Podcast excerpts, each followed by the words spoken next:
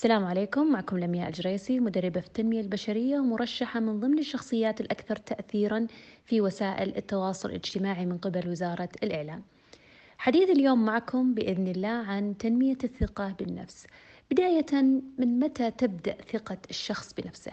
تبدأ ثقة الشخص بنفسه منذ الولادة، لكن تتأثر هذه الثقة مع المواقف والمؤثرات خلال مسيرة نمو الطفل.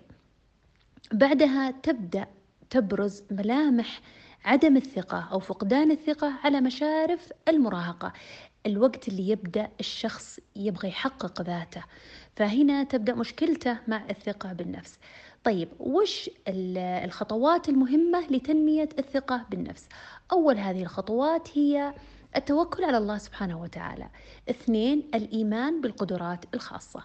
ثلاثة هي أن يكون لديك أهداف واضحة ومحددة. هذه الأهداف تسعين لها وبإذن الله راح تساعدك أكثر في تنمية آه، ثقتك بنفسك خصوصا إذا حققتها النقطة الرابعة والأخيرة أن تكون أهدافك واقعية ومتوقعة. هذه الأهداف مو شرط أنها تكون مية بالمية توقعاتك صائبة لكن على الأقل يكون عندك فكرة عنها. تقريبا هذه أهم الخطوات اللي تساعدك على تنمية الثقة بالنفس.